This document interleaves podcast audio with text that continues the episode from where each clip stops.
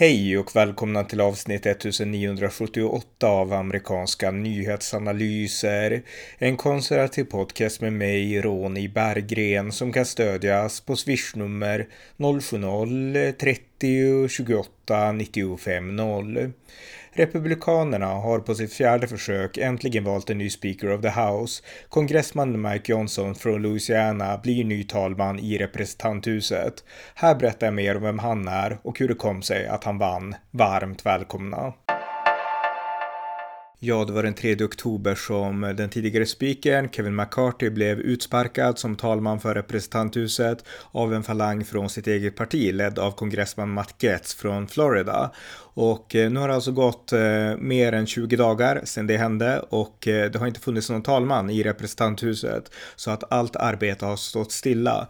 Och republikanerna har arbetat frenetiskt för att kunna hitta en ny kandidat som ska kunna ha tillräckligt många röster för att väljas och bli en ny talman av de republikanska rösterna som har en, eh, ja, en svag majoritet i representanthuset. Och eh, de tidigare som har föreslagits och som inte har lyckats är Steve Scalise, Jim Jordan och nu senast Tom Emmer.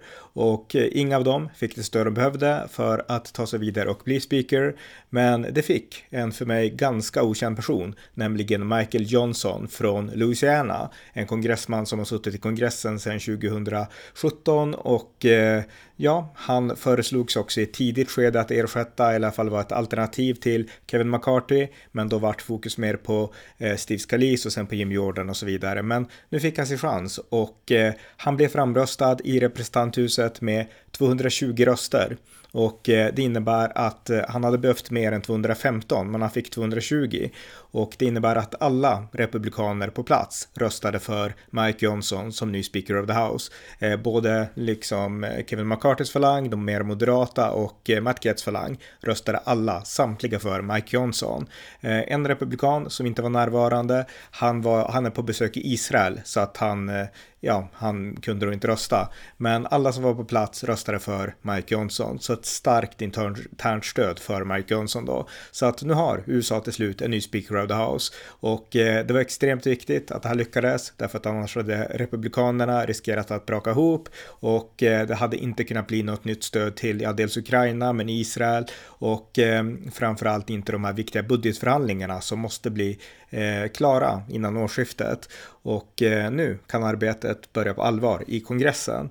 Och efter den omröstningen då vart han hälsad välkommen av minoritetsledaren Hakeem Jeffries som sa att det är vi demokrater som har drivit politiken här men nu vill jag ändå liksom ja, räcka ut min hand och säga att nu har vi en ny speaker och vi måste arbeta framåt och arbeta med viktiga frågor som att stödja Israel, stödja Ukraina och eh, så vidare, sa eh, Hakeem Jeffries. Och eh, Mike Jönsson sen då, han trädde upp på podiet och eh, log och eh, höll ett tal som jag tyckte var otroligt bra och jag ska ge mina kommentarer om honom, vad jag tänker och eh, vad jag tänker om honom och vad hans eh, positioner och olika frågor och hans bakgrund är. Men först här några klipp då från den nya 56 Speaking of the House i USA, Mike Johnson. Thank you all. Uh, first, uh, a few words of gratitude. I want to thank uh, Leader Jeffries. I do look forward to working with you on behalf of the American people. I know we see things from very different points of view, but I know that in your heart you love and care about this country and you want to do what's right. And so we're going to find common ground there, all right? I want to thank my dedicated wife of almost 25 years, Kelly. She's not here. We couldn't get a flight in time. This happened sort of suddenly.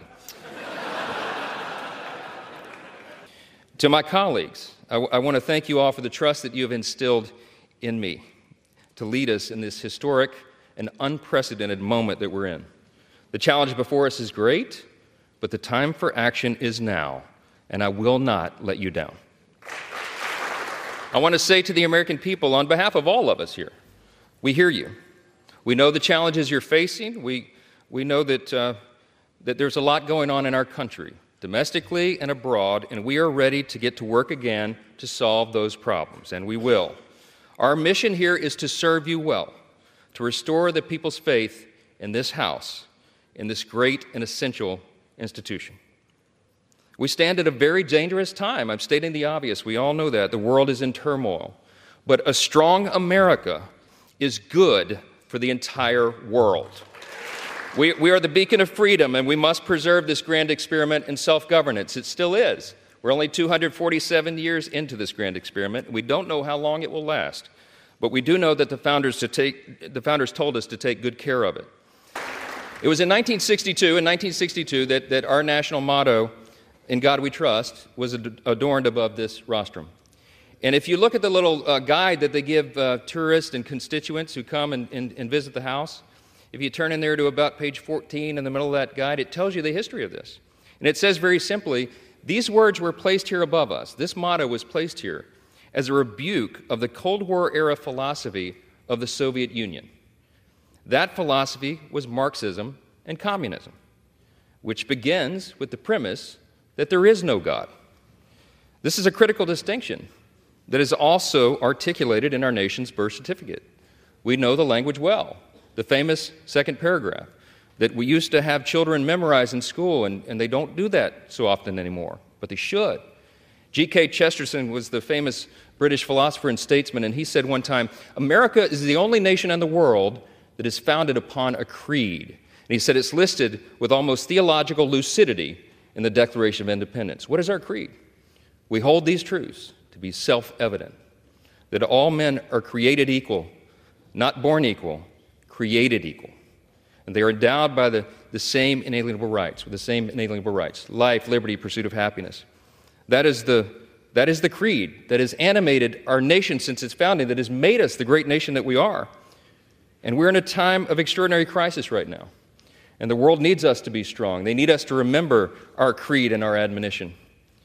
Turmoil and violence have rocked the Middle East and Eastern Europe. We all know it. And tensions continue to build in the Indo Pacific. The country demands strong leadership of this body, and we must not waver. Our, our, our, nation's greatest ally in the Middle East is under attack. The first bill that I'm going to bring to this floor in just a little while will be in support of our dear, dear friend Israel, and we're overdue in getting that done.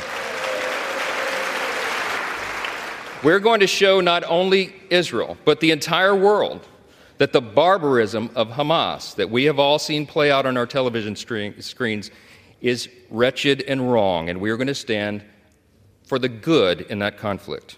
We, we have a catastrophe at our southern border. The Senate and the White House can no longer ignore the problem. From Texas to New York, wave after wave of illegal migrants are stressing our communities to their breaking points. We, we know that our streets are being flooded with fentanyl, and all of our communities, children, and even adults are dying from it. The status quo is unacceptable. Inaction is unacceptable, and we must come together and address the broken border. We have to do it. The, the greatest threat to our national security is our nation's debt. And while we've been sitting in this room, that's right, the debt has crossed almost $33.6 trillion. In the time that it's going to take me to, to deliver this speech, we'll go up another 20 million in debt. It's unsustainable. We have to get the country back on track. Now, we know this is not going to be an easy task, and tough decisions will have to be made. But the consequences, if we don't act now, are unbearable. We have a duty to the American people to explain this to them so they understand it well. And we are going to establish a bipartisan debt commission to begin working on this crisis immediately. Immediately. We all know that we also live in a time of bitter partisanship. It was noted, and it's been on display here today. Right? In his farewell address, President uh, Reagan uh, explained the secret of his rapport with people. And, and I like to paraphrase his explanation all the time. He said, You know, they call me the great communicator, but I really wasn't that. He said, I was just communicating great things. And they're the same great things that they've guided our nation since its founding. What are those great things? I call them the seven core principles of American conservatism, but let me concede to you all, I think it's really quintessentially the core principles of our nation. I boil them down to individual freedom, limited government, the rule of law, peace through strength, fiscal responsibility, free markets, and human dignity. Those, those are the foundations that made us the extraordinary nation that we are. And you and I today are the stewards of those principles the things that have made us the freest, most powerful, most successful nation in the history of the world, the things that have made us truly exceptional. Last thing I'm going to say is a message to the rest of the world. They have been watching this drama play out for a few weeks. We've learned a lot of lessons, but you know what? Through adversity, it makes you stronger. And yeah. And, and we want our allies around the world to know that this body of lawmakers is reporting again to our duty stations. Let the enemies of freedom around the world hear us loud and clear. The people's house is back in business. Ja, det där var ett sammandrag då från USAs nya Speaker of the House och hans eh, installationstal, Mike Johnson från Louisiana. Och eh, av de klipp som ni fick höra så tycker åtminstone jag att det här var ett otroligt bra tal, tydligt tal, tydligt konservativt tal. Och eh, jag kan inte så mycket om Mike Johnson, utan jag har suttit och tittat på videos nu, jag har läst på Wikipedia och liknande. Och det finns sakfrågor där jag inte håller med. Han är emot att finansiera eh, mer stöd till Ukraina till exempel, så vi får se praktiskt vart det det kommer att gå. Han är också en av dem som arbetade för Donald Trump och stämde olika delstater för att, eh, ja, som Trump då menade, hade fuskat till Bidens förmån. Så att han är ute och yrar i vissa enskilda frågor. Men som person så har han otroligt mycket karaktär, integritet, han är rolig och eh, han är också liksom, han representerar den här eh, republikanska sydstatshögern på något sätt som jag älskar och tycker är jättecharmerande. Alltså de här som pratar om Jesus, Thomas Jefferson, min vackra fru, mina fantastiska barn, eh, mot aborter och sådana saker på liksom ett helt naturligt och avväpnande, avslappnande och inte alls aggressivt sätt, utan lugnt och tryggt sätt. Han är en sån, han är evangelikal kristen han älskar Israel också och han är exakt de här slags politikerna som har byggt upp USA i så många avseenden och gjort USA väldigt bra. Eh, de demokraterna som är liberaler, det finns många som är bra också, men man kan tänka vad man vill om olika sakfrågor. Vad de gör med USA, det är att de gör USA mer likt i Europa och jag tillhör de som inte tycker att det är bra, utan USA måste behålla sin särprägel och då behövs det exakt de här sydstatsrepublikanerna som Mike Johnson. Så att ett otroligt lyft tycker jag så här initialt. Sen får vi se vad han kan leverera. Han är oerfaren, han är den mest oerfarna eh, speaking of the house på 140 år, läste jag någonstans. Så att han saknar de här, eh, alltså han är ingen spelare i storpolitiken. Men faktum är att det, sånt kan man lära sig med tiden. Jag menar efter ett år, efter två år så kommer han att vara hyfsat slipad. Han kommer att ha många jättebra rådgivare. Så att jag menar, sånt lär man sig med tiden, med erfarenheterna. Vad man inte kan lära sig på jobbet däremot, det är just karaktär, det är principer, det är liksom orienteringsförmåga. Eh, men allt det har han redan och eh, det har han haft med sig under stora delar av sitt liv och det är det jag tycker kommer fram i det här talet så bra. Så att eh, jag måste säga att jag är djupt imponerad. Eh, jag har ju följt amerikansk politik i 20 års tid och ja, det var den här från Texas för en speaker som han hamnade i någon skandal i början av 2000-talet. Men förutom honom så har det inte varit någon speaker från södern utan det har varit Nancy Pelosi under halva 2000-talet i alla fall och sen var det de här republikanerna, John Boehner från Ohio, eh, Paul Ryan från Wisconsin och sen så har vi haft då Eh, ja, Nancy Pelosi igen och sen Kevin McCarthy sådär från Kalifornien. Så att eh, det har inte varit någon sydstats eh, eh, sydstatsspeaker har det inte varit. Och här har vi en person som verkligen, jag menar, karaktäriserar totalt liksom sydstatsrepublikanismen. Så att eh, jag tycker att det här är fascinerande och jag tror också att eh, Mike Johnson kommer att bli en starkare speaker än Kevin McCarthy. Jag tyckte att Kevin McCarthy steppade upp, alltså på senaste, det här året så har Kevin McCarthy blivit bättre och bättre. Men som ni vet så har jag sagt förut att jag tycker ändå att Kevin McCarthy har varit en karriärist som har satt karriären för överallt ungefär. Eh, så att eh, Mike Johnson ger ett spontant liksom starkare intryck. Sen får vi se om han har erfarenheten och kunskapen och sådär eller så. Men, men eh, jag tycker det känns lovande och eh, jag tror också att han kan bli starkare speaker än vad Kevin McCarthy var. Av den enkla anledningen att dels har han uppbackning, lite mer av Matt Getz och de här som obstruerade för Kevin McCarthy. Men det är också så att Matt Getz har hamnat i en knivig situation. Jag menar han och hans gäng fick skulden för allt det här kaoset den här månaden. Så att jag har väldigt svårt att se att han skulle våga göra samma sak igen, eh, Matt Getz. Så att på så vis så tror jag att Mike Johnson sitter mycket säkrare i sadel än vad Kevin McCarthy gjorde. Så att jag tror ändå att det här kan bli lovande och han har just den här förmågan, charmen att prata, alltså alla vet vad han tycker. Han är emot homosexuella äktenskap, han vill införa ett eh, abortförbud eh, efter 15 13 veckors graviditet. Alltså han har ju de här stenhårda konservativa republikanska frågorna eh, som han inte skäms det minsta över att tycka liksom. Han är inte alls svensk Jag kan säga alltså, så där är en sån, sån här person som svensk media kommer inte begripa honom. Men jag, även om jag inte delar alla hans syn på sakfrågor, fascineras över de här slags politikerna och de har instinkterna som behövs för att bevara USA amerikanskt och det är det jag tycker är viktigt. Så att eh, det här ska bli en väldigt intressant person att följa och just att han har den här förmågan att det här är jag, där är mina åsikter,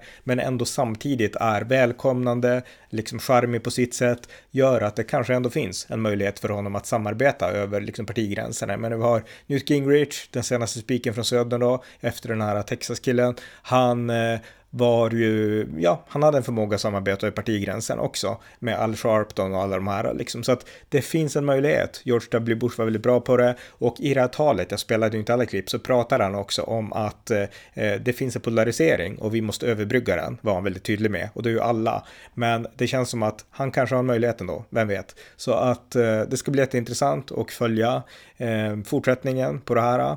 Men faktum är att republikanerna, de har faktiskt lyckats. De snubblade i mångt och mycket där för en månad sedan, men de har lyckats resa sig igen och det var inte många som trodde det för typ ett dygn sedan. Så att eh, det här var lyckat, ett lyckat drag. Så att eh, jag önskar all lycka till Mike Johnson och eh, vi får fortsätta följa honom och se hur politiken i USA och bland republikanerna utvecklas. Men en stark Israelvän som ni hörde där också. Och hans, vi får se vad som händer med Ukraina, men han pratar ju ändå om Östeuropa och Asien också. Och då måste han ha menat Ukraina och Taiwan. Så att förhoppningsvis så är han mer en eh, Cold War republikan från Reagan-eran. Han växte ändå upp under Reagan. Så att eh, kan hända så blir det liksom tydligare uppbackning även i de frågorna. Vi får se. Men ett mycket intressant namn som jag inte kunde mycket om, men det ska bli intressant att följa Mike Johnson i fortsättningen också. Tack för att ni har lyssnat på amerikanska nyhetsanalyser. En konservativ podcast som kan stödjas på swishnummer 070-30 28 95 0 eller via hemsidan på Paypal, Patreon eller bankkonto. Skänk också gärna donation till valfri Ukraina-hjälp eller Israelinsamling. Allt gott tills nästa gång.